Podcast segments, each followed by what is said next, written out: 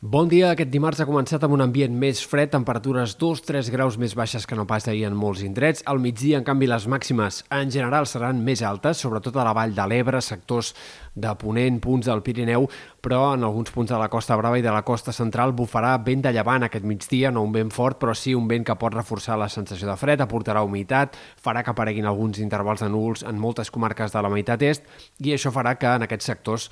l'ambient sigui més d'hivern i més similar al dels últims dies en aquest sentit. Eh, de cara a les pròximes jornades, demà esperem un primer canvi de temps que ha de comportar alguns primers ruixats. Els models de previsió apunten a xàfecs sobretot a la tarda i vespre en punts del Pirineu, Prepirineu, nord de la Catalunya central i també en força comarques de Girona, sectors sobretot a les comarques interiors de Girona, però també a la costa podria arribar algun d'aquests ruixats sobtats de cara a última hora del dia. Uh, ruixats que en general no deixaran quantitats de pluja importants, però que en alguns sectors potser sí que podrien arribar a acumular més de 5-10 litres per metre quadrat quadrat. No descartem fins i tot alguna tempesta, algun ruixat acompanyat de llamps i trons, sobretot en punts del Pirineu Oriental, comarques de Girona, i per tant eh, comença a canviar el temps aquest dimecres. No és descartable que aquests ruixats puguin també arribar aïlladament a la costa central o a altres punts de eh, doncs, sectors de l'altiple central o ponent, però en aquests indrets en tot cas ho farien de forma molt tímida i molt puntual de cara demà a última hora.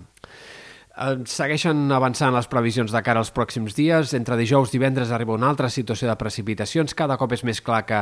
passarà bastant de llarg en moltes comarques de Catalunya o que en tot cas deixarà pluges i nevades més aviat minces a la majoria d'indrets, només en sectors de les Terres de l'Ebre i sobretot en punts del País Valencià on sembla que aquesta tongada de precipitacions